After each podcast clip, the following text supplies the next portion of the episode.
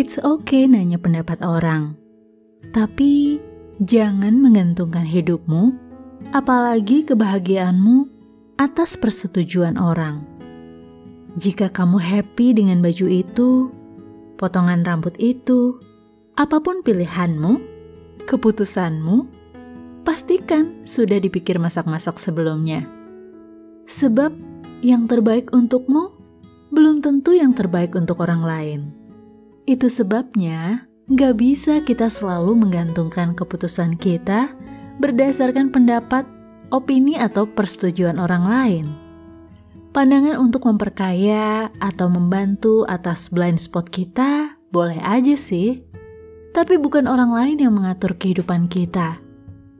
Dengarkan, selain Tuhan, jangan biarkan orang lain yang mendikte Kitalah yang mengendalikan dan bertanggung jawab atas kehidupan kita. Pastikan semua pilihan dan keputusan itu yang terbaik, sebab diri kita layak menerimanya.